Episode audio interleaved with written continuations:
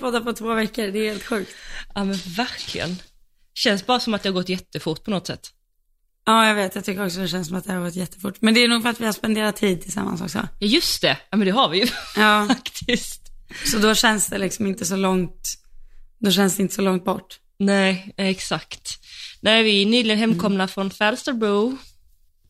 Yes, Ja. Falsterbo. Var befinner du dig? Du är ju i, eh, i ditt sommarhus. Jag är eh, vid kusten. Jag är i Fisbykil. Det ligger typ en halvtimme från Uddevalla. ja. Är det någon timme ifrån sa du? En halvtimme. En halvtimme? Mhm. Mm. Mm. Alltså det ser ser. så Det beror på hur mysigt fort ut. man kör. Mm. Ja, nej det är jättemysigt. Och du befinner dig i din nya lägenhet. Ja men det gör jag. Eh, vi har flyttat in för två dagar sedan, jag sov i två nätter här. Det känns faktiskt, det känns faktiskt jättebra, men det är lite som det alltid är när man flyttar, att man kommer aldrig i ordning. Det tar, alltså vad tar det? Typ ett halvår att komma i ordning, så att man känner att Ja. nu är det fint, typ. Ja. För att man typ vet inte om man ska vi ha någon tavla där, ska man ha detta, ska vi flytta på detta? Så nu är så här, allting är på plats, men det är lite, lite smårörigt faktiskt. Men kan du ändå inte, jag tycker det kan vara så här att första, till första dagarna, då tycker man det är jättefint bara för att det är nytt Mm. och sen börjar man störa sig på saker. Ja, exakt. Eh, Man får ju en helt Ja. också, för jag tänkte faktiskt på dig, eh, i och med att du flyttar ju snart också, du flyttar ju alltså också till en hel ny civilisation, alltså det är ju ännu större. Mm. Men eh, hur annan energi man får när man vaknar upp på ett annat ställe och hur jag tycker det är otroligt energigivande. Att bara vakna Mm. upp och se, man ser saker med andra ögon och man får en helt annan känsla i kroppen. Jag vet inte om det bara Mm. är jag, eller kan du känna igen dig i det? Jo, men det, alltså, det håller jag nog med dig om. Nu, just för tillfället så är jag ju hemlös. Jo. Men, eh, men bara att vara här, alltså bara att inte vara hemma liksom. Mm. Att jag vaknade upp, käkade frukost med hela familjen. Vi är ju, det är mamma, pappa och så är det min bror och hans tjej och min syster och hennes eh, kille. Eh, Och det är så här hela, bara, bara vakna upp så här i ett, dels för platsen men också så här för gänget man är med. Det betyder ju jättemycket. Mm. Ja, shit. Mm.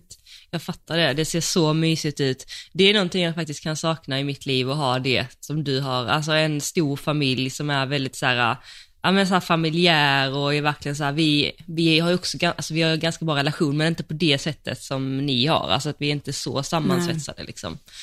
Men, eh, Nej, alltså för mig har det varit så här så självklart sedan jag var liten verkligen. mm, Så är så här, jag vet inget annat. Nej. Jag vet inget annat. Det är alltid, det är liksom alltid familjen. Och alltså midsommar, då är vi ju hela, och kusiner, alltså vi är så här 12 kusiner eller någonting. Det är ju oss alla, allihopa. Mm. När vi satt faktiskt och pratade om det igår på um, middagen, för då var det några grannar här. Och de har eh, precis köpt ett till hus här i närheten bredvid deras hus, för de har fyrlingar. What? Och deras fyrlingar har nu också barn. Oj, Eh, då behövs det två så, hus. eh, så det behövs lite fler hus. Nej men och det är så roligt för det märks verkligen att nu är det ju deras generation som är, är här på västkusten, liksom i Fiskebykil och sådär. Men eh, sen till nästa generation då kommer det vara vi som hänger med deras barn, liksom. Ja, just Det det. är ju, det är väldigt tydligt. Men eh, så vi, eh, jag vet inte, men sen är det nog lite mina föräldrar som de är, de är så här, the more the merrier, alltid. Mm. Det är jag glad för. Man märker det, alltså på hela energin. Det är typ ingenting man behöver säga, utan det är någonting som bara typ är självklart. Och man märker att du är fostrad i det också. Ja. Alltså, men det är inte bara en sån här känsla, men det är fin känsla, det är jättemysigt. ja. Men, eh, nej men, Vet, du, ja? vet du att det finns folk som, så här, när man var liten, så var det folk som inte fick äta middag med deras kompisar liksom. Jag vet Utan inte. kompisen fick sitta uppe på rummet och vänta. Alltså jag fick en chock när någon bad mig gå upp och vänta. Alltså det har all... det är helt sjukt. Så, är inte alltså, det helt sjukt? Alltså det har aldrig varit så för oss. Alltså det är samma, även om vi inte har den stora familjen på det sättet så har vi alltid liksom bjudit in alla, alla barn och kom och åt glass och åt när vi åt och alltså det var ju bara en självklarhet. Nej men det har varit helt, helt självklart för oss också. Jag fattar inte. Ja. Jag fick också en chock när jag fick höra det första gången. Jag blev så här, Men du har inte, du har inte blivit utsatt tänkte jag säga. alltså inte vad jag minns. Men nu Okej. ska jag vara helt ärlig och säga att eh, dels hade jag inte jättemycket kompisar. Och dels eh, om jag hade kompisar så var vi alltid hos oss. Tror jag. Ja, okej. Eller oftast. Mm. Mm. Ja, nej, jag tyckte man kände sig så himla utanför och så himla, alltså som barn fattar man ju inte heller liksom. Nej. Man, man eh, nej det var faktiskt en jättejobbig, Nej, jättekonstigt. traumatiskt. Traumatisk upplevelse. Men en lite mindre traumatisk upplevelse. Exakt. Ehm, ja, nej men, eh, nej precis, så du är där och hänger, eh, men berätta, berätta livet nu då, vad är, vad är planen då? Nej, men planen är att eh, jag får flytta in i min lägenhet den 28. Jag har ju stallplatserna från den första. Och det är väl, är det 31 dagar i juli? Ja. Ja, det tror jag. Det är en eh, bra fråga, jag tror det också. Ja. Jo, det. Så då har jag några dagar där på mig. Eh, och sen eh, hämtar jag hästarna och tar med dem ner. Sen, sen är det Helsingborg. Det är ju bara två veckor kvar, det är helt sjukt. Det går så snabbt nu alltså. Men är det ens två veckor? Det är ju knappt Nej, två kanske... veckor. Ja, knappt två veckor ja. En och en halv Mm. vecka. Men du ska ju till West Coast då, eller hur? Mm. Ja, precis. Jag åker den veckan som du får din lägenhet. Lagom till du behöver flytthjälp. Nej, jag vet att Det är lugnt. Klara mig. Ja, du klarar dig. Men eh, när jag åker på måndag, när det här, just det, när det här släpps, den dagen eh, åker jag. Sen är jag Ja. där nästan en vecka. Jag ska rida två olika torer. Jag rider en 20-touren med Fia och en 30-touren med Kalle och de är så utspridda på hela veckan typ. Så Ja. att jag rider tisdag, onsdag, fredag, lördag. Så det blir nästan en vecka borta. Men känns inte det jättekul? Det känns jätte, alltså jättemysigt. Ja. Jag har När var du så liksom på ett- mycket. Meeting så senast. Jag har, eh, för det första har jag aldrig varit med Kalle eller Fia, så det blir deras Nej. och min första gång tillsammans med dem. Jag tror det var på Elmia när jag red eh, Safira där. Så det är några För- år sedan. Du satsar väl lite Elmia i år också? Just det. Har jag berättat det för dig? Ja, det har jag. Mm, Jag ja. tänkte jag skulle berätta det i podden. Ja, men gör det. Ja, men jag, jag fick en sån eh, idé eh, bara för några veckor sedan, men innan sista tävlingen. För jag var tävlade för två veckor sedan i Henriksdal och så skulle jag rida två stycken 130 där. Och så pratade jag med Linnea på träningen innan, så jag bara, men alltså vad tror du typ om att eh, rida den här guldtouren, jag tror den heter guld, i, eh, i Elmia med Kalle, hade det varit något? Och hon tyckte det var en jättebra idé. Just för att ha något mål och eh, vi är ju på den nivån och vi börjar rida lite mot klockan och så. Och jag blev också och lågor för jag älskar att verkligen ha ett mål och se fram emot och jobba mot. Ja. Så, eh, så det anmälde jag bara direkt där och sen eh, gick det ju jättebra i helgen, så att jag fick, eh, eller he- i förra helgen, så att jag fick poäng direkt i båda klasserna. Det är skitbra. Det var jätte... Men vet du hur Alltså, du jag- liksom ligger, eller vad, hur du, du måste vara topp, hur många är det? Jag tror inte det är så jättemånga anmälda i just den eh, 1.30-touren, för den 1.20-touren är det ju, alltså där får man ju slåss om platserna. Ja. Jag tror inte man behöver slåss jättemycket i den där guldtouren. Eh, jag, jag vet inte om det är 20 eller 30, jag borde veta det här, men så, alltså, nej, jag tror det är 20-30 platser, någonting sånt. Ja. Eh, och jag ligger tvåa. Nej? Jäklar. Nej men det var helt, alltså det var verkligen helt, helt sjukt. Alltså, för mig som precis har börjat tänka på att rida Ja. mot klockan, för mig som har haft unghästar hur länge som helst nu, så var det en otrolig känsla att gå in och vara, för jag var fyra i första, på första dagen där, 1.30 och fyra andra dagen. Alltså för mig var det jättestort. Det kanske låter så här i någon annans ögon, bara men vadå, det är väl inget. För det var jättestort för mig. Ja, men det var ju, Ehm. och det var fantastiskt fina runder också. Det var Tack. ju väldigt, väldigt bra och alltså, inte, inte för att ta ner dina runder överhuvudtaget, men det fanns ju även utvecklingspotential att göra det snabbare. Eller fattar du? Ja, Det var ju inte så fort du kunde. Eh, nej, jag kan nog snabbare, men Ja. för min känsla så var det det fortaste jag kunde där och då. Ja, ja, där och då kanske, men alltså ge det någon vecka till. Du har ju toppat det där till Elmia liksom. Ja, kanske. Jag ska jobba verkligen på det. Det Ja, ska det- bli... eh, Okej, så då rider du West Coast nu, eh, sen Elmia i oktober, eller hur? Mm. Mm. Och då har du ju hela augusti, september också. Ja. Det blir Och halva fler. typ oktober också, tror jag. Jag tror att det ja, är, det är slutet av oktober. Ja. Ja. Men kval, sista kvaldatumet brukar vara typ så här två veckor innan, brukar det inte? Mm, säkert. Tror jag. Någonting sånt. Eh, så är det med Och jag ska Falsterbo inte tävla i... Ja, precis, ja så är det i Mm. Falsterbo ja. Eh, Jag ska ju inte tävla för det, alltså typ så här, utan jag, jag går in och så bara, och det hade jag inställningen sen innan också när jag anmälde mig, jag går in och så gör jag mitt jobb eh, Mm. och gör så bra jag och Kalle kan. Eh, vi går in och gör vårt, liksom, vår topprestation utifrån vad vi kan utan att jämföra oss med Ja. att, alltså de andra. Eh, så att kommer jag med så kommer jag med, kommer jag inte med, nej men då gör jag inte det. Så Nej. eh, där är vi lite grann. Yes. Har, har du ridit Elmia någon gång? Nej, jag har inte ridit någon, någonting coolt någonsin. Har du inte? Nej. Nej. Okej. Men det skulle kunna vara någonting för dig och Badoo också ju. Ja, du. Ja, det känns väldigt långt bort för tillfället. Vet- Men jag bara, jag bara känner framför mig att nu närmsta året kommer bara vara så här, bygga upp, träna, alltså jag typ inte planerar någon tävling överhuvudtaget. Alltså, Nej. Nej, det är kanske också lite tidigt. Alltså jag vet ju var du är just nu i, i mindsetet ju. och det är liksom, det var så länge sedan han var nummer ett på priolistan. Han har aldrig, jag kan aldrig vara det. Mm. Stackarn. Men, eh, ja, och sen får man väl se om det dyker upp något nytt testmaterial liksom. Det vet man inte. Mm. Men, eh, ja.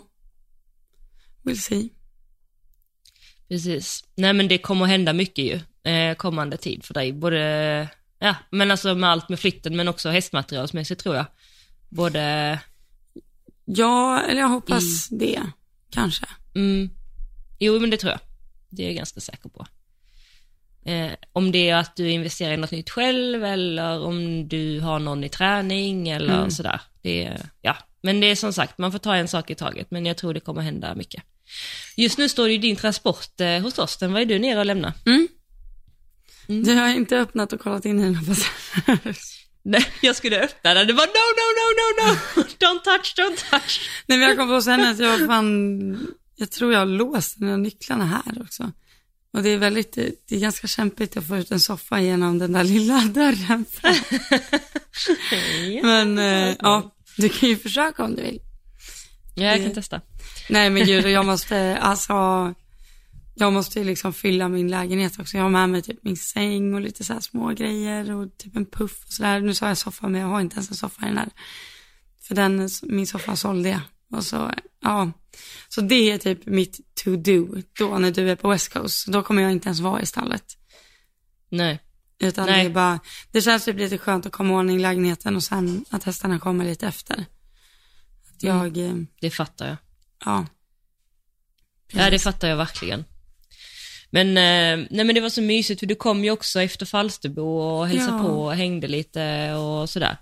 Vad, jag tänkte på en sak där, alltså för att det var ju typ första gången du såg mig, Mm. alltså i stallet. K- Kan inte du bara så säga vad dina första tankar var eller vad du tänkte liksom såhär honest? Men jag vet, jag tyckte det kändes ganska naturligt, eller? Jag, alltså jag tänkte inte på Ja. något speciellt tror jag. Nej. Okej. Eller jag vet inte. Det är det kanske.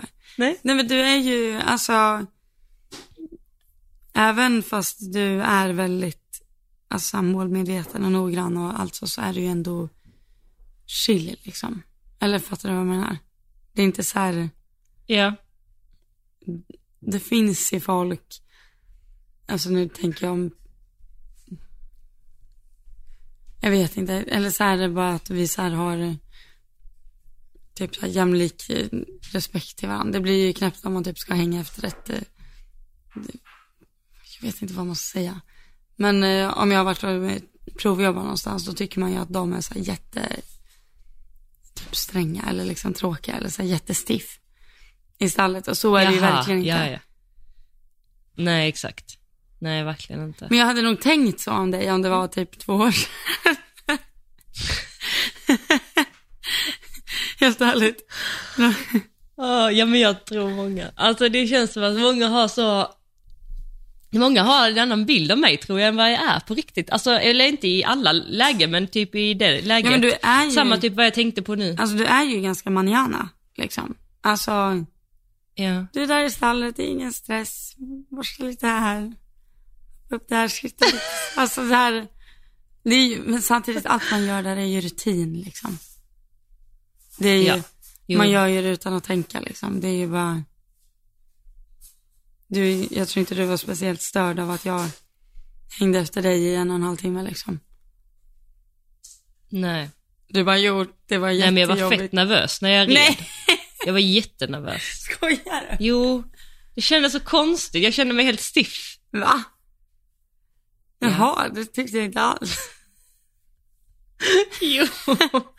Spände skinkorna lite extra. Ja, men vi diskuterade ju det då. När du, när Ja. du galopperade liksom på en volt. Eh, och då satt jag i mitten och du bara, nu då, hur sitter i sadeln nu då? Jag bara, nej, alltså det guppar fortfarande. Och så att jag börjar prata om det direkt. Hur sitter jag nu? Guppar jag mycket nu? Eller har jag kontakt med sadeln nu? Kan du titta? Nej, men det var mot slutet. Det var, ja. Ja, det var på slutet. Nej men jag menar att vi bör, alltså första gången när, när man rider, att man börjar prata om sådana saker menar jag Ja, direkt. jo. Mm. Nej, men jag tyckte Nej, men det, var var, en- ja, topp top tre trevligaste joggpassen jag har sett i mitt liv i alla fall. Ja. Ja, Det är bra. Men alltså, jag, jag fick en sån, du, du, du vet när, eh, du noterar ju på mina hemmaridstövlar att mitt vänstra, min vänstra stövel var men mer sliten än min högra. Mm. Mm. Ja, Men jag har inte ens tänkt på det innan för det är hål i båda mina hemmastövlar, eller hål, men lädret har liksom, översta lagret har skavts av. Och så när du noterade det att eh, min vänstra var mycket mer skavd och så sa du så här, ja så har jag också en, har du också en tung högerbog eller någonting så här. Så bara, du vet, jag bara funderade, jag bara, vänta jag har en starkare vänsterskänkel. är det därför Kalles bog till höger liksom åker ut? Och så bara, när jag satt upp och red sen dagen efter så tänkte jag bara så här, ja alltså jag har nog lite mer i min vänsterskänkel än i min höger. Det var faktiskt jätteintressant. Ja, det är, ja, jag är ju likadan. Jag rider också med med vänsterskänkan. Men jag fattar inte, det är ju ologiskt. Man har ju sitt, eller så är det bara att det, blir mer vänsterskänkel för att man har mer i handen på höger sida. Eller så har man mer i handen på höger sida för att man Jo, har så kan det också vara. en starkare Men jag tänker mer att jag är högerhänt och därför borde, därför Ah, ja. borde det vara, den vara liksom dominant. Mm, du tänker så. Mm. Jag är ju vänsterhänt så då borde ju- ja, precis, att jag har ett starkt vänsterben är inte så konstigt, Nej. nej. Nej, men att du har det. Mm. No good.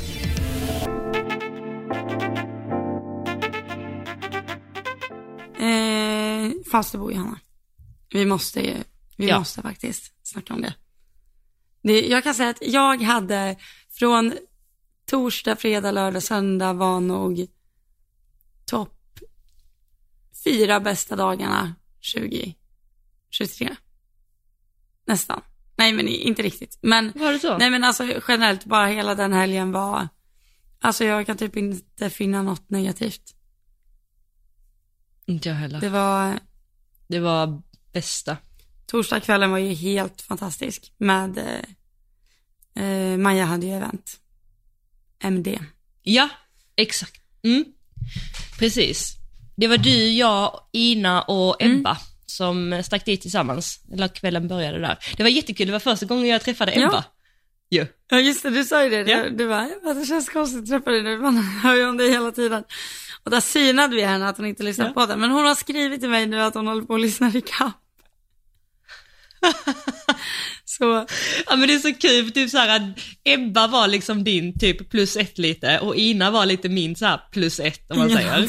Eh, och ingen av dem som ändå är oss närmast typ lyssnar på nej, podden. jag vet. Det är, det är dåligt. Ja, så roligt. Ja.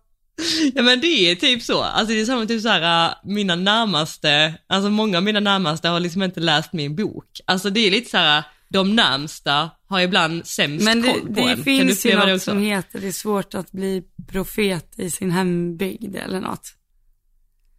Alltså Ja, fattar det du? är Att det är verkligen så. liksom, vi är farmor, vi så här, varför ska jag lyssna på henne? Eller fattar du vad jag menar? Ja, Det är min polare. så jag liksom. tjatar varje Ja, dag ändå. exakt. Ja, Nej men verkligen så. Nej men det var, det var jättekul eh, att träffa henne men alltså Ebba tog ju över, alltså hon tog ju över allt. Alltså Ebba tog ju typ över, vi, vi sa att vi skulle livepodda lite. Ebba tog över live. Ebba tog över.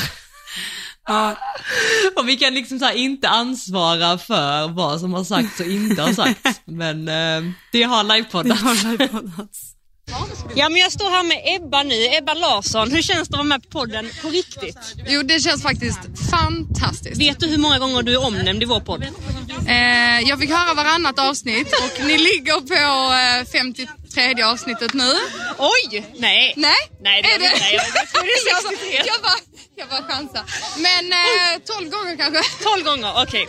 Känns Men det jag att ha Ebba live här i podden? eh, Ja men Esa? äntligen, nu händer det. Nu Det är nu, Har det är du- nu jag du kliver ställt- in. Har du ställt någon saftig fråga? Det är nu Ah, jag, nej, du- du får göra det.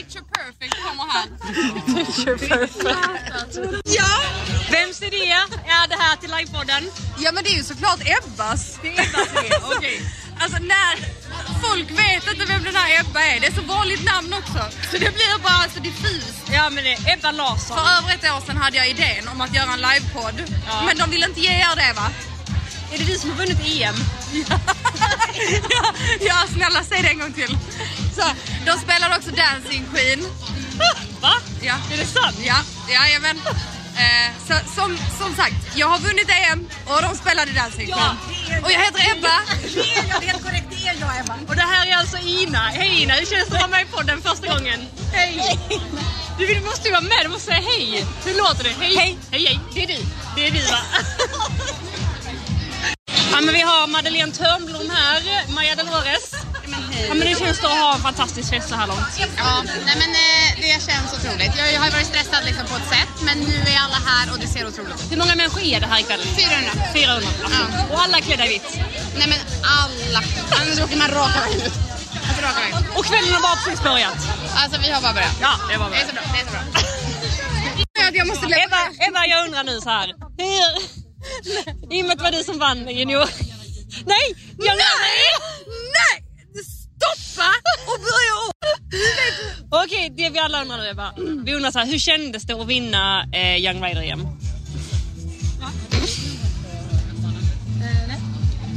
För det var väl du som gjorde det?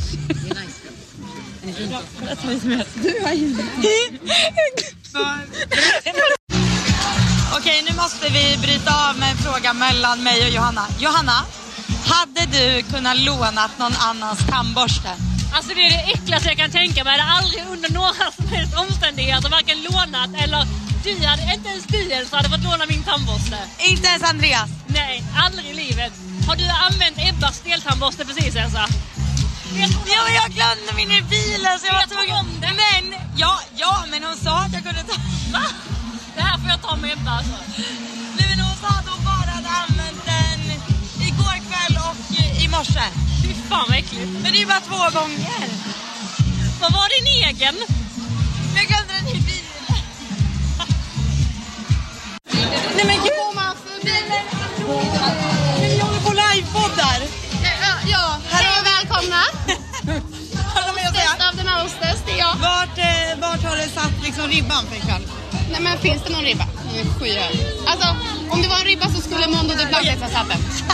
Okej, men Vilket råd hade du gett dig själv som 20-åring?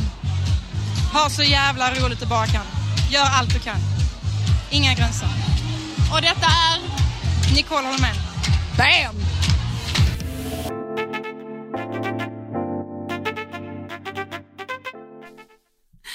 Herregud. Det kan kanske ha att göra med en annan, eh, ja, någon substans där i någon dryck.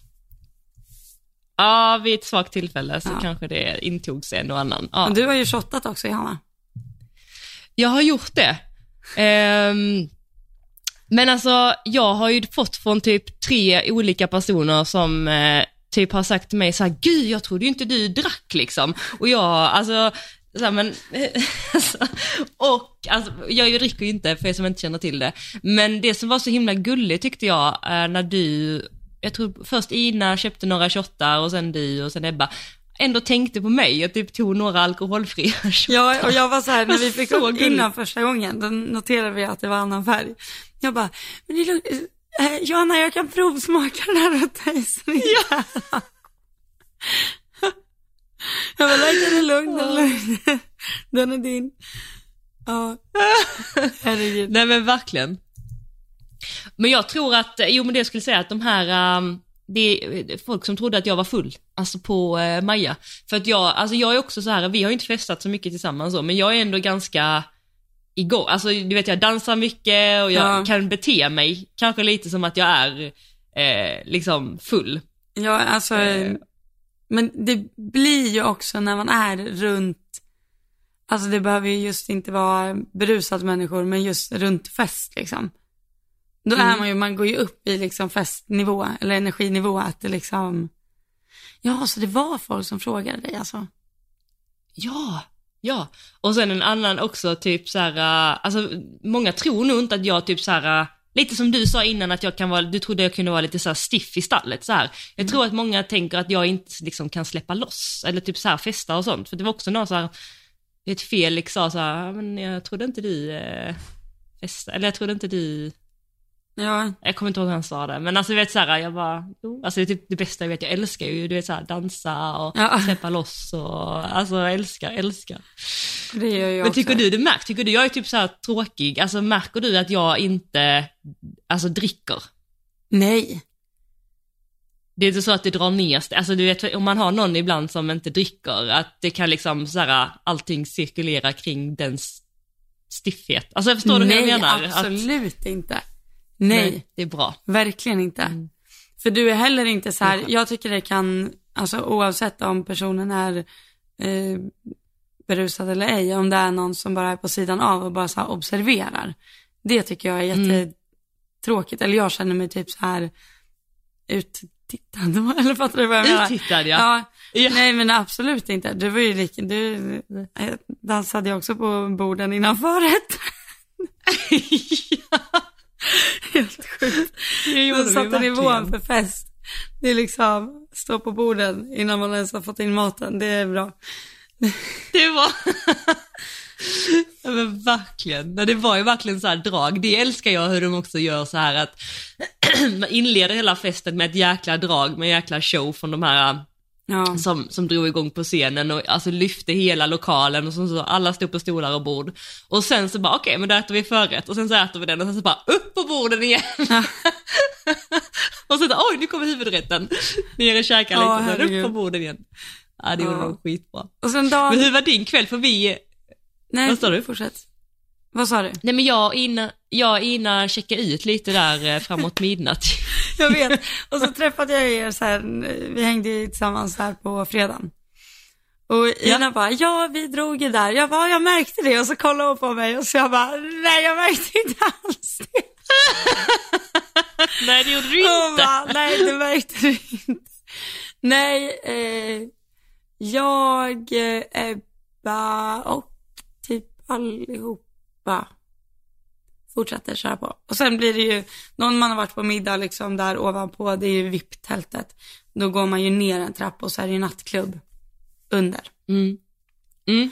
Ja, det var eh, intressant.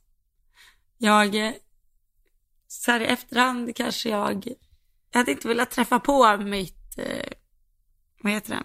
Man brukar säga ens, eh, eh, Det finns ett ord för det här. Alter ego. Eh, Mitt, jaha, ja. aha. Eh, nej. Det är... Eh, nej, vi går över till fredag. Eller hur? fredag. Du, fredag var kul. Nej, men ni körde på där eh, Ja, det ett, var eh, jätteroligt. hela, hela natten jättekul. långa. Vi hade Ja, du har klarat dig också utan att bli eh, sjuk efter Falsterbo va? Ja. Alla är jättesjuka. Alla är sjuka ja, efter Falsterbo. Ink jag. Men det börjar bli mycket bättre faktiskt, så det är skönt. Men, eh, men du känns som att du var igång eh, alla dagar. Sen åkte du också till Helsingborg mitt i alltihopa, va, på fredagen. Ja, sen åkte jag till eh, Helsingborg på fredagen. Eller först kollade vi lite. Men ni åkte ju då. Mm. Och då var jag kvar, jag var ju kvar själv och det var nationshoppning då va? Ja, Jag var kvar fan det. själv och kollade på nationshoppningen ganska länge. Eh, Ja. Men det var jättekul. Jag eh, kollade en del, kollade lite framhoppning och så. Eh, sen åkte jag vid typ fyra, tror jag. Eller något sånt, lite senare Mm. kanske. Åkte jag till eh, Helsingborg och mötte upp mina Falu-kompisar. Och gick på um, Bayside, heter det va? Festival. Mm. Eh, Mm. och kollade, det var väl Norli KKV, så var det bolaget och så var det The Chainsmokers. Och Mm. det var jätte, jätte, jättekul. Det var, Mm. ja, och så var det väldigt roligt och bara kändes ju jättekonstigt att kolla ut genom fönstret, bara, "Ja, här ska jag bo liksom. Ja, för det, vad, vad är den, eh, är den nära din lägenhet, den Ja, alltså vi bodde ju på hotell, eh, i och med att jag inte fått min Mm. lägenhet än. jo, Eh, jo, men jag tänker rent, Ja, men det var väl, vad tog det, fem, tio minuter att gå, kanske. mm, Men Mm. hotellet var nära. mm. Men då var du hemma och red, eller hur? Då var jag hemma och red, ja. ja. Du flyttade? Eh, eller nej. Ja, precis, jag flyttade. Det känns som att allt den här sista veckan har varit en dimma för mig. Jag är ju lite autistisk när det kommer till eh, saker och ting, för att jag har ju, alltså mitt prio i livet just nu har ju varit, alltså hästarna. Jag vet inte om jag har sagt det i podden. Eller så har du och jag pratat om det, eller så har jag pratat Mm. med Ina om det, jag vet inte, men Jo, jag tror jag nämnde det kanske i podden, annars är jag ledsen, det kanske blir upprepning då, men för att förstå liksom att nu när jag har haft lite semester och så, jag har haft semester i åtta veckor, så har jag ju kunnat lägga allt jobb åt sidan och bara fokusera på hästarna. Vilket har gjort otroligt mycket på bara några veckor med min ridning, för att allt fokus har liksom gått till hästarna, hästarna, hästarna, hästarna, alltså allt Mm. liksom gällande dem. Och det är helt otroligt vilken effekt det har när man bara fokuserar på en sak. Mm. Eh, och det har fått mig att tänka lite hur jag liksom ska försöka gå vidare med mitt liv Ja. eh, nu i, i höst och, och sådär. För att jag, i och med att jag jobbar med det jag gör så har jag ju, alltså, så måste jag ju liksom fortsätta såklart jobba som mental coach och eh, ska göra det. Mm. Men kanske att jag får dra ner lite och kanske stänga lite dörrar där, att inte ta in för, för mycket fler Mm. uppdrag där och även föreläsningar och så, för att jag vill verkligen kunna ge mig själv en bra och ärlig chans Mm. att se hur bra jag och hästarna kan bli och det kommer kräva väldigt mycket fokus från mig. Eh, Så det har jag gjort nu Eh, och vad jag vill komma till då är ju att det som har varit viktigast den här månaden är ju att preppa för West Coast. Så att om jag ska vara helt ärlig, det kanske låter respektlöst nu liksom, men eh, Falsterbo för mig var liksom bara någonting som skulle gö- göras. För jag hade liksom så här målet inställt på att trimma hästarna, fixa inför det, alltså vara redo för West Coast. Så att allt annat har bara varit som en dimma. Flytten också bara så här nerprioriterad. Jag har gjort det, jag har varit där, men jag har inte varit 100% närvarande. Nej. Och det kände jag också i Falsterbo, att jag var inte 100% där, tror jag. Nej. Nej men det fattar jag. Jag Eh, blev och- också lite såhär när ni bara, nej men vi åker nu. Och jag var, National ska, ska precis börja. Jag bara, men jag ska rida. Ja. Jag var, okej, gör det. Nej men alltså jag, jag, jag köper det, 100 procent, verkligen. Men, Mm. alltså det är väl jättebra att man känner så. Alltså om man inte känner så, då känns det ju lite eh, värdelöst. Eller, eller fattar du vad jag menar? Att om det inte är så att man tycker det är så pass kul när man väl är ledig och sådär, då är det ju inte, eller då är det ju inte det man ska göra liksom. Nej, nej. Så sett så, eh, så är det ju verkligen ett sign på att det, det jag gör är, eh, alltså det jag älskar det jag gör och så. Ja, Men eh, det blir också så här typ att alla andra år i Falsterbo så har ju min prio varit, prio varit att liksom bara kolla på hoppning och stå på framhoppning och springa där. Eh, förutom förra året, för då var jag ju väldigt sjuk under tiden också. Det var Ja, också ett sånt just det. speciellt år. Då var jag bara där nere snabbt med dig tror jag någon dag. Men, eh, men eh, det kändes liksom som att det handlar Falsterbo inte om för mig det här året, utan det var typ så här: okej, ja men den här festen ska vi gå på och sen så just det, de här montrarna behöver jag ju liksom besöka, den här meet and greeten och sen så var det över. Eh, så det var liksom, jag har lite svårt ibland att, eh, att lägga fokus på för många saker samtidigt. Och jag kände att jag kunde inte riktigt det heller. Och så var det så stressigt att få ihop, typ, ihop också när man är borta. Just att få hästlivet att funka om man ska ha en viktig tävling. Typ så här, du måste hinna rida de här hästarna, de här ska gå på lina idag, just det, de här ska göra det här. Eh, och när man ska åka upp och ner till Falsterbo, det tar ändå lite tid och så tar det energi och så här. Då känns det svårt att vara närvarande och göra bra trimpass hemma, tycker jag. För man vet att okej, här behöver jag skynda mig och sådär. Och det och jag hatar den känslan när jag är med hästarna, att jag vet att det finns en tidspress eller att jag behöver skynda mig för att jag, jag kan inte vara där. Alltså Nej. jag kan sitta upp och rida, men jag kan liksom inte vara där 100%. Nej. Då blir det inte bra. nej jag, jag köper det. Jag var i alla fall där, kan man säga. Du var där! Du var där. Eh, nej men efter, eh, när jag vaknade upp på lördagen, då åkte jag ner igen till Falsterbo. Just det. Eh, Och då var det ju derby och sånt. Var det? Såg du derbyt? Mm. Mm. Det gjorde jag. Eh, det var faktiskt väldigt kul att se. Det, var, det syntes vilka som hade tränat och inte, om man säger så. Ja. Eh, och sen även om, alltså även om några gjorde väldigt stadiga derbyrundor, så var det ändå, det är ju svårt att få bommarna att ligga kvar. Så många språng liksom. Mm. Det är det ju. Men, eh, nej men jag tyckte det var, det var många bra duktiga ryttare och sådär. Och sen satt jag på framhoppningen igen till, nej det var banne mig till Nations Cup, dagen innan var det. Och då har jag fått upp en ny ryttare i, i mina ögon. Mhm. Eller som jag liksom inte har så här tyckt är så wow förut. Jag vet inte om jag, jag tycker nog fortfarande inte han är wow, men jag tycker att han får 1,60 hoppning och ser lite för lätt ut. Och det är Wilhelm Greve. Mm. Mm. Så tycker jag. Det, Vad tänkte du då? Du- Såg du han på framhoppningen också? Ja, det gjorde jag. Eh, jag följde honom framhoppningen och sen gick jag in och kollade banan också. Eh, ja, alltså det finns lite grejer med framhoppningen som jag liksom inte så här, inte är ett fan av. Eller sättet han rider fram på. Men eh, hoppmässigt hoppar fram väldigt lågt. Inte så mycket. Vad gjorde han kanske? Sex språng. Och max 1,20. Alltså om, ja det var typ 1,20 tror jag. En sista också, bara väldigt så här avspänt.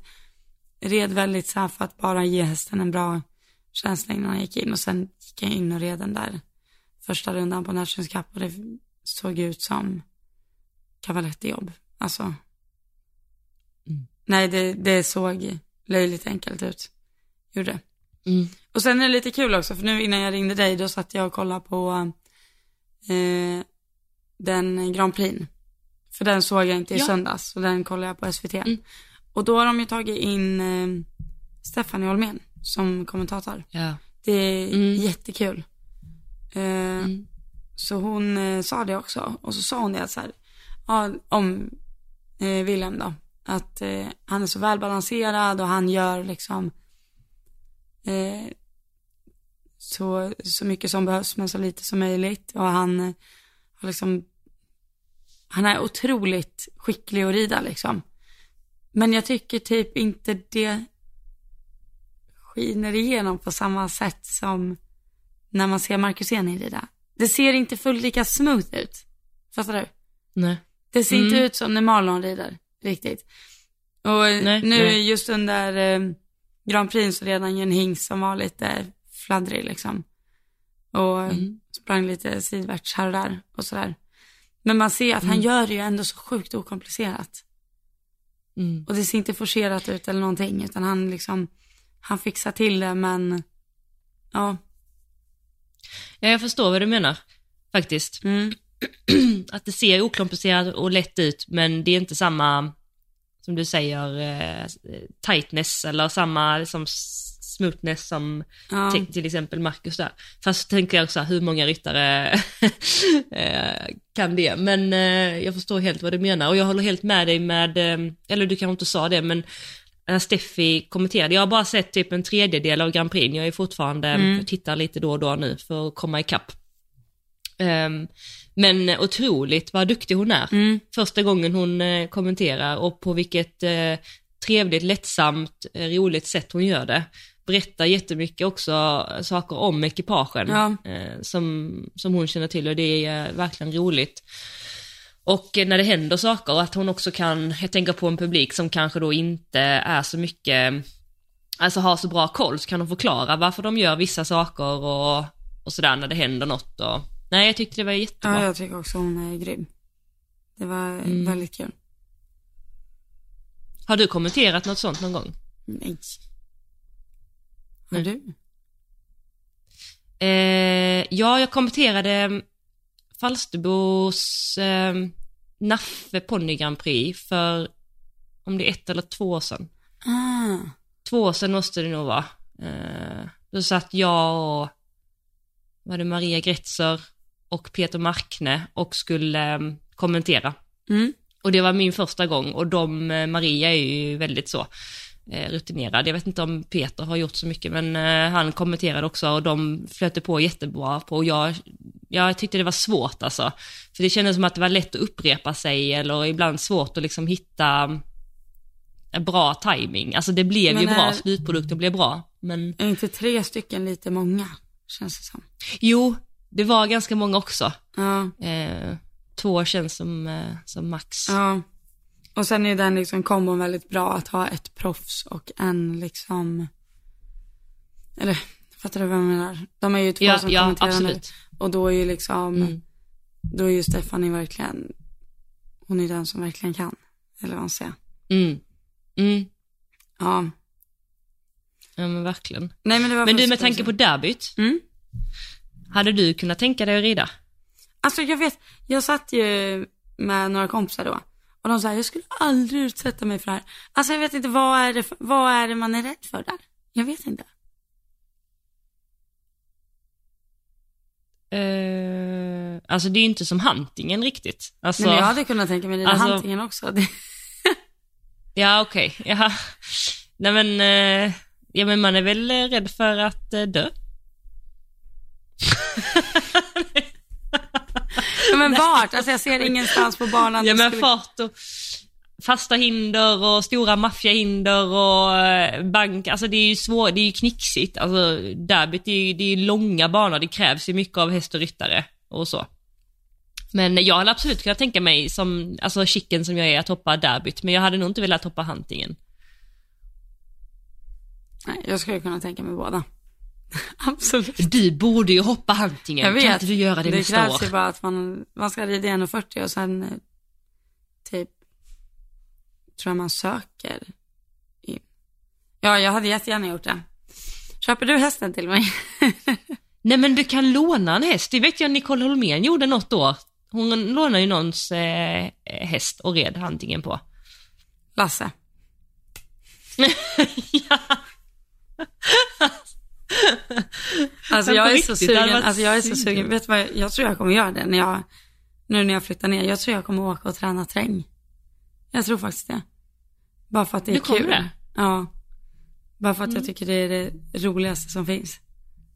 Du tycker verkligen det, Ja. alltså på riktigt? Jag tycker det. Mm. Vad är det som är så roligt då? Nej men det är liksom fart och det är...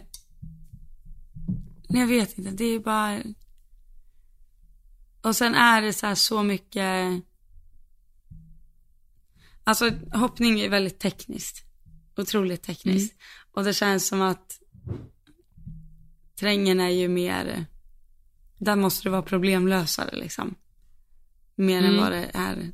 Nu är det klart du måste ha din häst väl i ordning för svåra kombinationer och allting. Men eh, inte riktigt på den nivån jag är. Om jag skulle åka och hoppa Mm. terräng. Utan då är det ju mer liksom, okej, galoppera på i ditt tempo, se din distans utifrån, liksom, balansera upp, rid, galoppera efter. Det är, nej, det är sjukt kul. Ja. Och sen tror jag, vann med att man, alltså vissa delar är nog väldigt bra att ta med sig från terrängen. Mm. Det, tror jag också. verkligen. Att bara inte hamna i bromsridning och alltså så. Mm. Och lite tuffheten också som det krävs. Ja. Lite det här, äh, bara, ja. Men eh, det finns ju, alltså det är ju jättemånga, tänkte jag säga jättemånga är väl att ta i kanske, men banor här nere ja. Runt omkring. Jo men det finns. Terrängbanor. Ja. Det finns. Åker du med? det har du koll på. vad, vad, skulle liksom, vad skulle krävas för att du skulle åka på en terrängträning? Ja. Nej men jag kan åka direkt, jag kan filma. Nej men, nej jag menar rida. Ehm, ja men det skulle nog krävas en del faktiskt. Ja. Ja. Är det för att du jag. är rädd för att hästarna ska gilla sig liksom? Så. Ja, ja, alltså lite så. Och att man ska förstöra någonting, eh, eller förstöra, men liksom, nej jag vet inte, det är bara attraher, jag bara känner varför ska jag göra det? Alltså, av vilken anledning? typ så. Men alltså visst är det så här pytte, pyttesmå hinder och någon bara så, ja men du, jag har en jättebra häst här, vill du komma och hoppa den lite på terrängbanan? Ja men då kan jag tänka mig, men då ska det liksom vara små hinder. Jag tycker typ det är läskigare att hoppa små hinder i terrängen. Är det så? Ja, för att de bromsar liksom inte upp. Nej. Ligger du i en väldigt stor Vad- galopp och så ska du hoppa lite för litet. Det är precis som om du rider hoppning liksom. Att gasar du för Mm. mycket mot ett 80 räcke, Ja. då är det ju, Alltså du vill komma upp lite. Vad, men vad, är- vad är en rimlig höjd då? För dig? nej men jag vet inte, men typ i- i enstjärniga hinder kanske. Jag vet inte Det hur säger mig höga- ingenting, jag har lite dålig koll på hur högt det är. Är det en meter eller en och tio? Ja, eller? nej det är väl typ en meter och en tio skulle jag väl tro. Alltså jag är jättedålig. Jag har aldrig mätt ett terränghinder. Nej. Nej. Nej. Men jag vet ju att när jag red ponny, då, om man red en stjärnig, då motsvarade ju det en H100. Och då är det ju, hun- då ska det vara en meter då. Men alltså häckarna är ju högre. Det är, Ja, men hä- häckar räknas inte, för de hoppar man igenom va? ja, det är lite, ja, Mm. Kan du säga Kalle på en terrängbana? nej. Men Fia hade jag däremot kunnat, alltså, ja, Fia hade varit perfekt. Ja. Cassie också, hon är ju så Kalle hade varit så, åh kära någon. Att man typ lite för fin man och svans för att gå ut. När jag ser Alltså, fältarnas häst framför mig, då ska den vara lite så här. Den ska se ut lite som Catch Me Not liksom. Ja, Ja, precis, exakt. därför är Lasse Ja. perfekt. Lasse är perfekt. Ja. Alltså verkligen. Nej men det är helt alltså, jag, nej du, ge mig ett år, jag kommer börja tävla fälttävlan istället. Nej, det får du inte göra. Eller jo, det får du om ditt hjärta säger det. Men eh, helst håll dig i hoppning. Men det är ju jätte, nej jag, jag hittar inget negativt.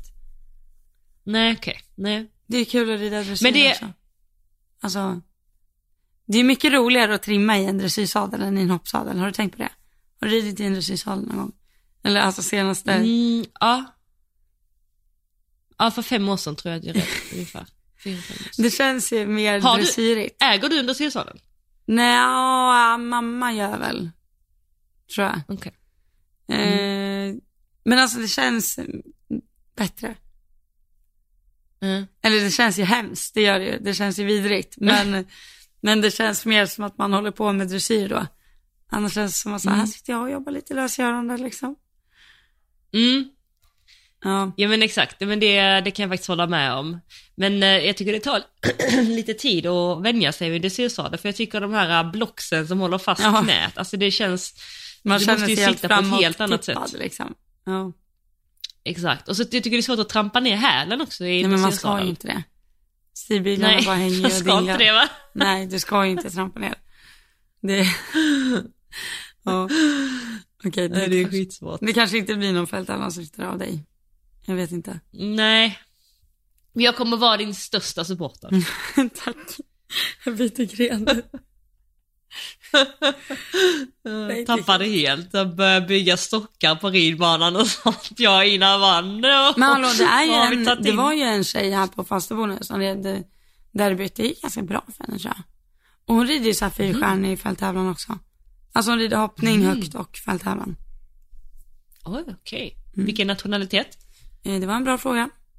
En fråga tidningen Ridsport tänkte jag säga. Ja okej, ja det är så Det var inte. lite- Ah, ja. Ja, men eh, nej. Det var kul i alla fall. Och jag, eh, vi var inne på Falsterbo, eller hur? Mm. Det var där vi började. Ja. Det var, jag kollade en hel del och sen åkte jag hem på söndagen. Det var det. ja. Mm. Det var den helgen. Det var den helgen det. Men du är frisk nu? Eh, inte helt, men eh, börjar bli. Mm.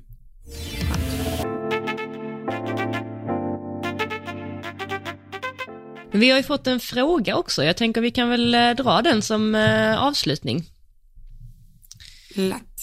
Kör. i vår DM. Den är så här. Ehm, tror ni att unga ryttare som får massor med fina och dyra hästar att tävla och aldrig får några större motgångar kommer lyckas bättre slash sämre senare? Om man jämför med folk som verkligen får kämpa för framgång. Menar främst på ponny och juniortiden. Har även en till fundering på detta ämne om rättvisa. Varför är det oftast män som i slutändan ligger på topplistorna i världen när det är mycket kvinnor på lite lägre nivå? Min absoluta favoritpodd. Mm, Mm. tänker du? Interesting. Ehm, den första frågan där, den tänker jag nog att de visst absolut kommer kunna bli hur bra som helst. Alltså, kolla till exempel Jessica Springsteen, Mm. kan vi ta som exempel. Eller Eve Jobs rider ju också, rider 1,60. Eh, alltså sådana som kommer från familjer som har egentligen hur mycket pengar som helst. DVS, din häst blir skadad, eh, du har ingen häst, och, alltså en normal familj. Mm. Din häst blir skadad, du har ingen häst att tävla eller rida på ett år, säger vi. Kommer du från en annan ekonomisk bakgrund, ja men då kan du säkert lösa att du har en ny häst under tiden. Mm. Eller, ja, om man tar liksom den enkla, alltså enkla modellen, eller vad som är verkligen den största fördelen med att ha obegränsat med pengar att lägga på ridsporten. Att du får mer, du får ju mer tid i sadeln egentligen. Mm. Och det är ju det som är verkligen plusset. Och sen det här med att inte ha några större motgångar. Så här, ingen har ju sagt att du behöver motgångar för att bli bra. Eller fattar du Mm. vad jag menar? Mm. Det, det kan ju kanske till och med vara en styrka att, att det alltid gått bra på tä- tävling. Liksom. Mm. Att man känner sig liksom oövervinnlig. Mm. Det är ju en, alltså det är en jättestor psykisk, alltså då är det ju väldigt psykiskt stark, tänker jag Mm. också. Mm. Än om man har ramlat av i ettan tio gånger, liksom. Mm.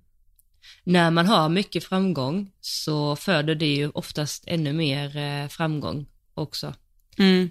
Det märker man ju i perioder, om man tänker så här, inte livstidsmässigt, men så här perioder när man har haft tävlingar där det bara har gått bra, bra, bra, så bara fortsätter det gå bra för att man är inne i en så himla bra, ett så himla bra flow. Ehm, men det är, ja det alltså det är väldigt intressant. Um, ja, mm, Jag har ju en, eh, jag vet att jag frågar dig det också, förlåt avbröt nej nej nej, satte- nej nej, kör. Jag vet att jag frågar dig det också utan att sätta liksom någon personlig prägel i det, utan bara se det här scenariot framför dig.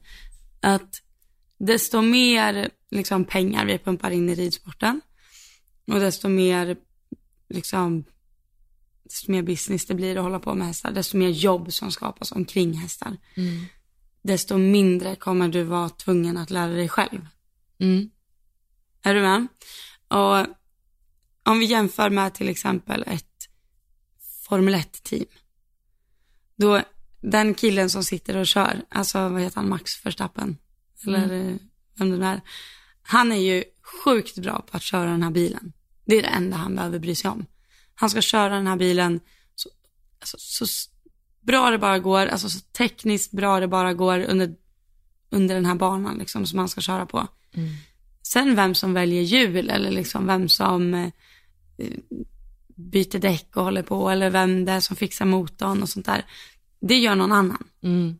Han är, han är liksom piloten när det kommer till, till att köra banan, liksom från start till mål. Mm. Och det är ju det, den tråkiga biten med att vi pumpar in så mycket pengar, att desto, jag motbevisar mig gärna, men jag tror att det är så att desto mer pengar man har, desto mindre är man tvungen att veta runt omkring hästarna. Mm. Mm. Alltså, mm, jag tycker att du har en poäng och det är så. Eh, men också en annan aspekt är ju att, att typ, att vi jobbar ju med djuren. Mm. Alltså så.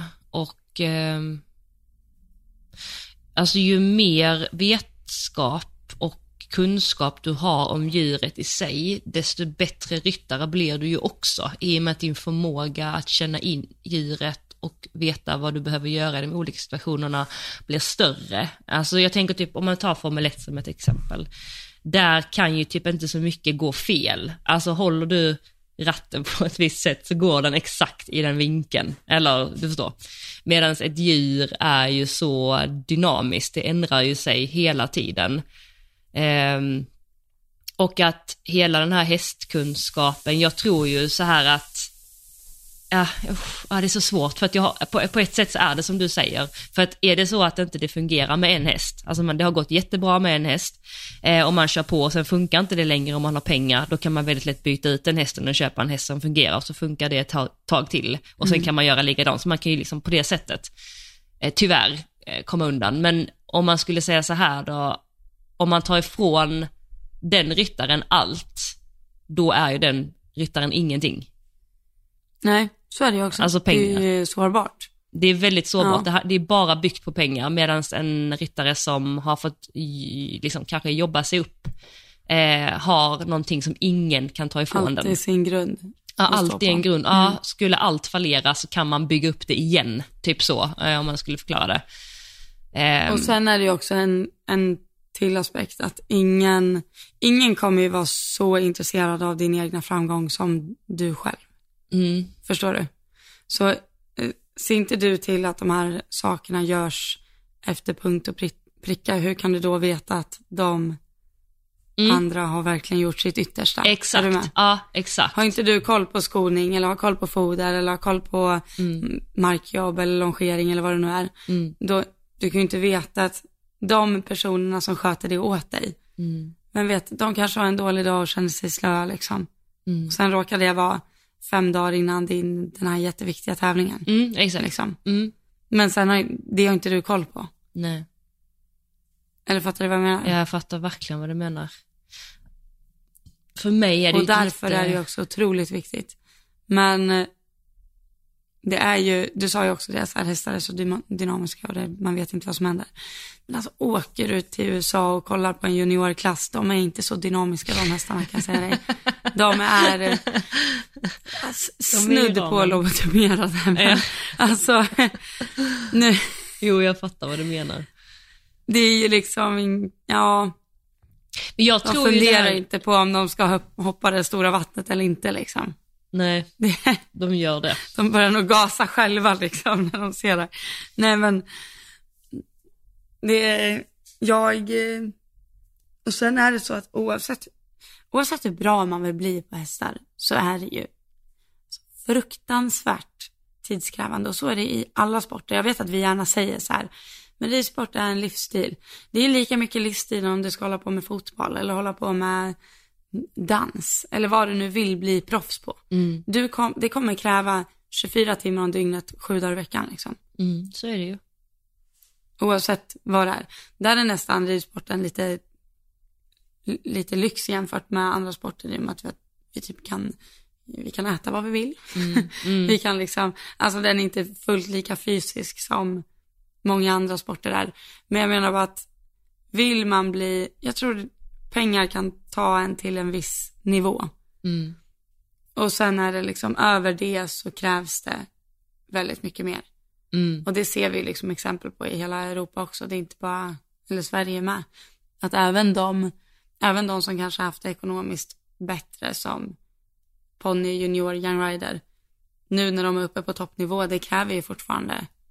Det är liksom, även om du har det ekonomiskt gott ställt för att kunna lyckas på ponny och junior, så finns det inte pengar för liksom en 60 Grand Prix-häst. Det, nej. Nej, det Det är liksom hutlösa beyond. summor. ja, som ska upp. Men tror du på det, det som vi var inne på, eller som också som hon frågade där, att om, om man bara, alltså om det här med motgång, att det kan forma en, att det kan göra en extra motiverad eller få en att kämpa mer och ta en längre, om vi tänker bort pengar då, alltså helt och hållet, om vi bara tänker så här, man har haft en karriär som har gått spikrakt rent häst med, spik, ingens, så kan man väl säga, ingens, häst, eller ingens karriär går ju spikrakt, man har ju upp och ner såklart, men haft eh, bra hästmaterial, det har fungerat bra, man har inte stött på så mycket motgångar, tror du att det tar en längre än om man skulle sätta på motgångar längs med vägen, eller tvärtom, eller båda, eller? Mm. Man stöter ju på motgångar till slut. Hur den, kolla på typ Jack Whittaker. Mm, Att han gick det ju super, super bra för. Och han liksom kom in i världscupen och det bara flöt på allt bara bam. Han Mm. bara så här. Eller om vi tar typ Bertram Allen. mm, Eh, alltså det finns ju exempel på unga ryttare som har, som deras karriär utifrån har sett som att det går spikrakt uppåt i princip.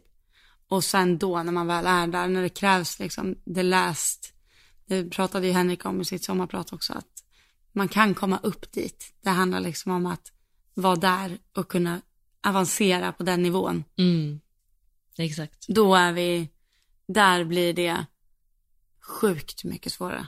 Mm. Det är en sak att komma dit, liksom. Men vi tar Henke som ett exempel, det är ändå bra. Tror du att han, tillbaka lite till det här med kunskap och pengar, om han bara hade haft pengar från början, tror du han hade varit där han är idag då? Nej, det tror jag absolut inte. Det tror jag inte. För han har Och ju där haft... är nog också, Mm. och där ligger nog också en grej att har du så mycket pengar, då tror jag inte du kör på ridsport om du inte har en fallenhet för att rida, fattar du? För att, att du inte är begåvad från början. Mm. Eller Och jo, det finns det exempel på. finns det Ja, ja. exempel på. Men jag förstår din poäng. Okej. Ja. Jo, det, det finns absolut exempel på det. Men jag tänker att är du, krävs det liksom så här, du, du, du har jättemycket pengar, men du är så dålig att rida så du kan aldrig rida högre än 140 liksom. Du ramlar av över hindren, vi säger Ja. så. Mm. Du kräver liksom, du måste lägga ner massor och massor med timmar och verkligen kämpa för att liksom Mm. det här ska gå. Då tror jag till slut att du bara, nej det är inte värt både tiden och pengarna liksom. Nej, Fattar du vad jag men menar? det får man ju hoppas att man har den insikten då. jag vet inte. Men, men han beskrev det som att hans liksom, han beskrev det som att han inte var så duktig att rida. Nej. Liksom, att han verkligen behövde träna. Men det är det jag tror har tagit honom dit, att han har liksom Ja, gett sig, alltså fasen på det. Han har ägnat så många år till att verkligen eh, gå in alltså, och försöka bli så bra han kan på alla områden. Alltså förstå hästen, förstå managementet, han har också varit många år liksom, så han åkte till Ludgård även om han redan var bra där. Alltså han har ju lagt så många år eh, av att bara bli så bra han kan. Eh, och det, han hade aldrig, jag tror aldrig han hade kunnat komma upp där han är idag eh, och behålla sin plats och alltså allt det han är och det han gör idag om inte han hade fått kämpa de här åren så som han har gjort. För fasen vad han har kämpat. Eh, om han Ja, då... det är sant. Eh, Eh, så, så jag, jag liksom, det är det jag menar, att jag tror det finns två olika delar. Dels att man kommer skitlångt på pengar och du kan ta det hela vägen upp och, och du kan liksom köpa det till och du behöver inte veta eh, vad är bästa skor för min häst och vad äter hästen och varför ska den inte äta det här och hur mycket och hur mycket ska den gå. Alltså du behöver inte veta de grejerna om du bara är bra på att rida och du kan köpa bra hästar och så kan du bli bra på det. Men jag har svårt att tro att du liksom kan bli bra under många år. Alltså på den nivån. Alltså, ja, jo, ja, alltså. Jag vet inte, vi är ju ett litet så här paradigmskifte just nu. Mm, Känner jag spontant. För just nu så finns det ändå de här, verkligen det som vi vill kalla så här horsemen. mm, Alltså, det, det är både gubbar och tanter som är liksom så sjukt pålästa mm, på allt. mm, Och har ridit Grand Prix dressyr och hoppning. mm. Liksom. Ja, precis, Mm. exakt. Eller fattar du vad jag menar? Ja, Och de tror jag inte att det kommer finnas lika mycket om, av om 40 år liksom. nej, När vi är gamla, när vi är liksom, nej, men vi är ju de, vi ska ju bli dem. Vår generation. Jo vi ska ju bli dem, men, Men, vi kommer eh, ju inte vara det tror jag. jag är rädd. Nej, nej men jag jag förstår. heller. Det är nog, Mm. alltså, ja, det är väldigt svårt. Jag Också vet inte riktigt vad det Mm. beror på det, för det känns som att all, alla vill ju fortfarande ut och jobba och liksom så här. Men det är ganska många som jobbar ett tag. Det är ganska, alltså det finns det också en så här, det är ganska svårt idag att gå från eh, groom till unghästtävlingsryttare. Mm, hur menar du? Jaha, du menar jag om man menar? vill bli ryttare egentligen Jag säger att jag börjar? åker till Nederländerna och börjar jobba som groom och mitt mål är att jag ska börja tävla unghästar. Ja, ja, ja. Eller Mm. det, det är liksom, åker man dit som groom, då åker man dit som groom. Mm, exakt. Precis. Det, ja, det, det är tufft, det är det klart. Ehm, men vad... Mm, Och det var väl lite den vägen. Ja, nej. Oh, det är svårt. Jag kan inte lösa det här, Johanna. jag kan inte heller lösa det.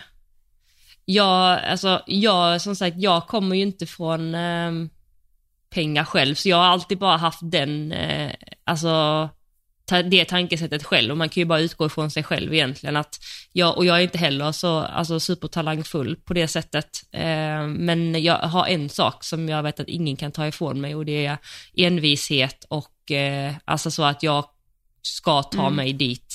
Eh, på, alltså kosta vad det vill, på vilket sätt den är, hur mycket motgångar som än kommer så kommer jag att göra det, liksom göra vad jag kan. Och det kan ingen ta ifrån mig liksom. Så att om någon tar ifrån mig alla mina pengar eller alla mina hästar så kommer jag bara börja om igen. Alltså det är bara att börja gräva där man står igen liksom. Eh, Ja, så, där sa du ju någonting väldigt bra. Att det liksom, blir det fråntaget allt så har du ändå din grund att stå på. precis. Det, det, det, det kan ju ingen, som sagt, det kan ingen ta ifrån en ju. Eh, så för mig har det också varit bara så självklart att göra det, men sen samtidigt hade man kommit, hade jag kommit från en familj där det hade varit sett annorlunda ut, alltså ekonomiskt, då tror jag inte, eller man vet ju inte, men jag är bara helt övertygad om att alla motgångar jag har stött på i livet, eh, både hästmässigt och utanför, eh, har format mig till att ha den gnistan som jag har idag och eh, den tron på mig själv att ta mig igenom svårigheter. Så att när det kommer ett nederlag så blir det inte världens grej utan det är mer så att okej, då får vi göra det bästa av det här nu och sen så tar vi oss igenom det här och så kommer det komma ut, vi kommer komma ut på andra sidan längre fram. Medan om man aldrig har haft en motgång eller en tuff sak så här så kan det kanske vara lätt att, om man, om man inte får det från när man blir äldre, att det blir ett jätte, jättestor grej. Eh, det behöver inte vara så, jag tror också det har jättemycket med personlighet att göra. Alltså så, det finns Ja. inget rätt och fel liksom. Men varför tror du att där kvin- kommer, Ja, vad sa du? Jag tänkte säga det, där kommer vi in på nästa med eh, Ja. det här med kvinnor och män. Eh, typ som Henrik sitter ju på Jannikas häst egentligen. Mm. Eller alltså från början så var det hon som red. Mm. eh, King Edward.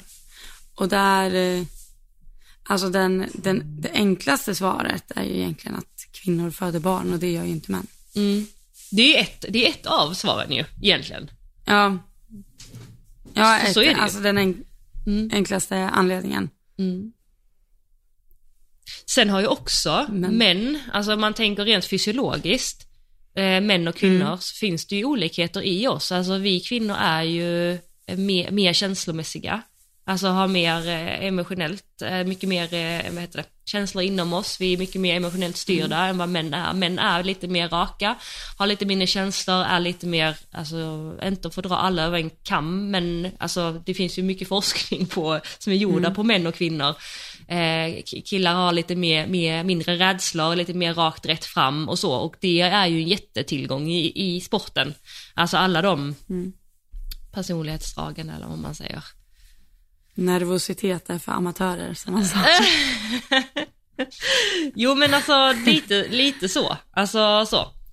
Ja, där, alltså, där märker man ju verkligen hur mycket det spelar in nu i, alltså, som jag sa innan också, att så att, ta dig dit, att vara där, så att topp 200 i världen. Det, det går ju, det, det har ju folk gjort liksom. Men att ta sig dit i topp 10, stanna liksom där uppe, fatta hur psykiskt liksom extremt starka de är. Mm, verkligen. Otroligt. Men det tycker jag också är intressant, alltså just med nervositet eller om man tänker så mentalt generellt att eh, det är ju min, jag är ju nördig i det eftersom att jag jobbar med det och det är det enda jag Ja. liksom tänker på och så men att eh, om du tar en, om man nu kunde ha en, två exakt lika bra hästar, två exakt lika bra ryttare och sätta dem bredvid varandra så finns det ju en tredje del där som också är avgörande och det är ju verkligen skallen. Vad, ehm, Ja. hur du kan hantera dina tankar och eh, dina känslor. Så att det är en otroligt stor del i, eh, i ridsporten, speciellt i ridsporten skulle jag säga. Eh, också i hela livet självklart, men framförallt i och med att vi jobbar med djur som är så påverkade av oss. Men tror du det är liksom en, en faktor i varför det är så mycket män på toppen? Jag tror att det är en del, ja. Det tror jag verkligen. Mm. Men inte bara, det finns, och det är också, man får också tänka på att det finns en individaspekt i det hela, alltså kvinnor och män emellan, hur ens liv ser ut så här, men i och med att det är så mansdominerat, eller inte dominerat, men det är så mycket män i toppen så tror jag dels det här som du säger att vi eh, föder barn. Och det är rätt tufft att behålla sig där, även om många ryttare faktiskt har visat sig kunna det, men ändå. Men, eh, men också att vi har mycket mer eh, Eh, vi, vi har andra liksom, eh, eh, men liksom vi är mer känslostyrda och vi har inte lika lätt för att eh, naturligt gå in och bara så här, köra. Vi är lite mindre, mer påverkade också av allting än vad män är. Jag generellt. tänker mer typ så här också i business, vad det spelar för roll. Alltså, det är ju generellt i världen så är det ju så att män gärna supportar män, alltså sponsrar till exempel. Men jag skulle nog inte säga att det är så i ridsporten, eller inte på dem, liksom jag vet, då är det ju ganska många kvinnliga hästägare. Mm, ja, absolut. Men eh, också många kvinnliga hästägare till män, kanske. Jo, men jag tror, ja, Eller för det är att- nog både och va? Eller det är nog blandat. Det är nog blandat. Men jag tänker i business överlag i ridsporten att eh, det- det är många toppryttare som tjänar sina pengar på att sälja hästar. Mm. Om det är en fördel att vara man då. Alltså att de tjänar mer pengar helt enkelt. Mm. Men män är väl kanske eh, generellt, det har väl också varit så historiskt, är lite mer business, alltså än kvinnor, och kvinnor är lite mer, ja men familjära, alltså nu hårdrar jag ju det, alltså verkligen hårdrar det, Ja. men alltså lite mer eh, så, så det kan ligga en poäng i det också. Ah, nej, det är så stor fråga, jag har inget svar. Nej, jag har inget svar heller. Helt ärligt. Mer än eh, alltså, fysiologiskt så fungerar det ju så att kvinnor och män är olika. Liksom.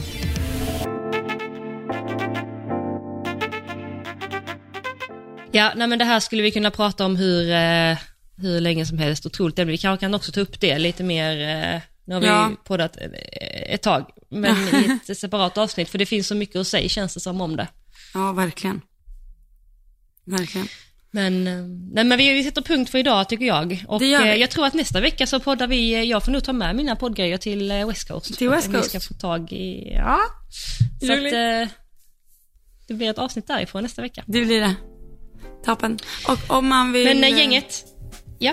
Om man känner för att supporta dagens poddavsnitt så är numret 1232 981 231. Han har lite swish, så blir vi jätteglada.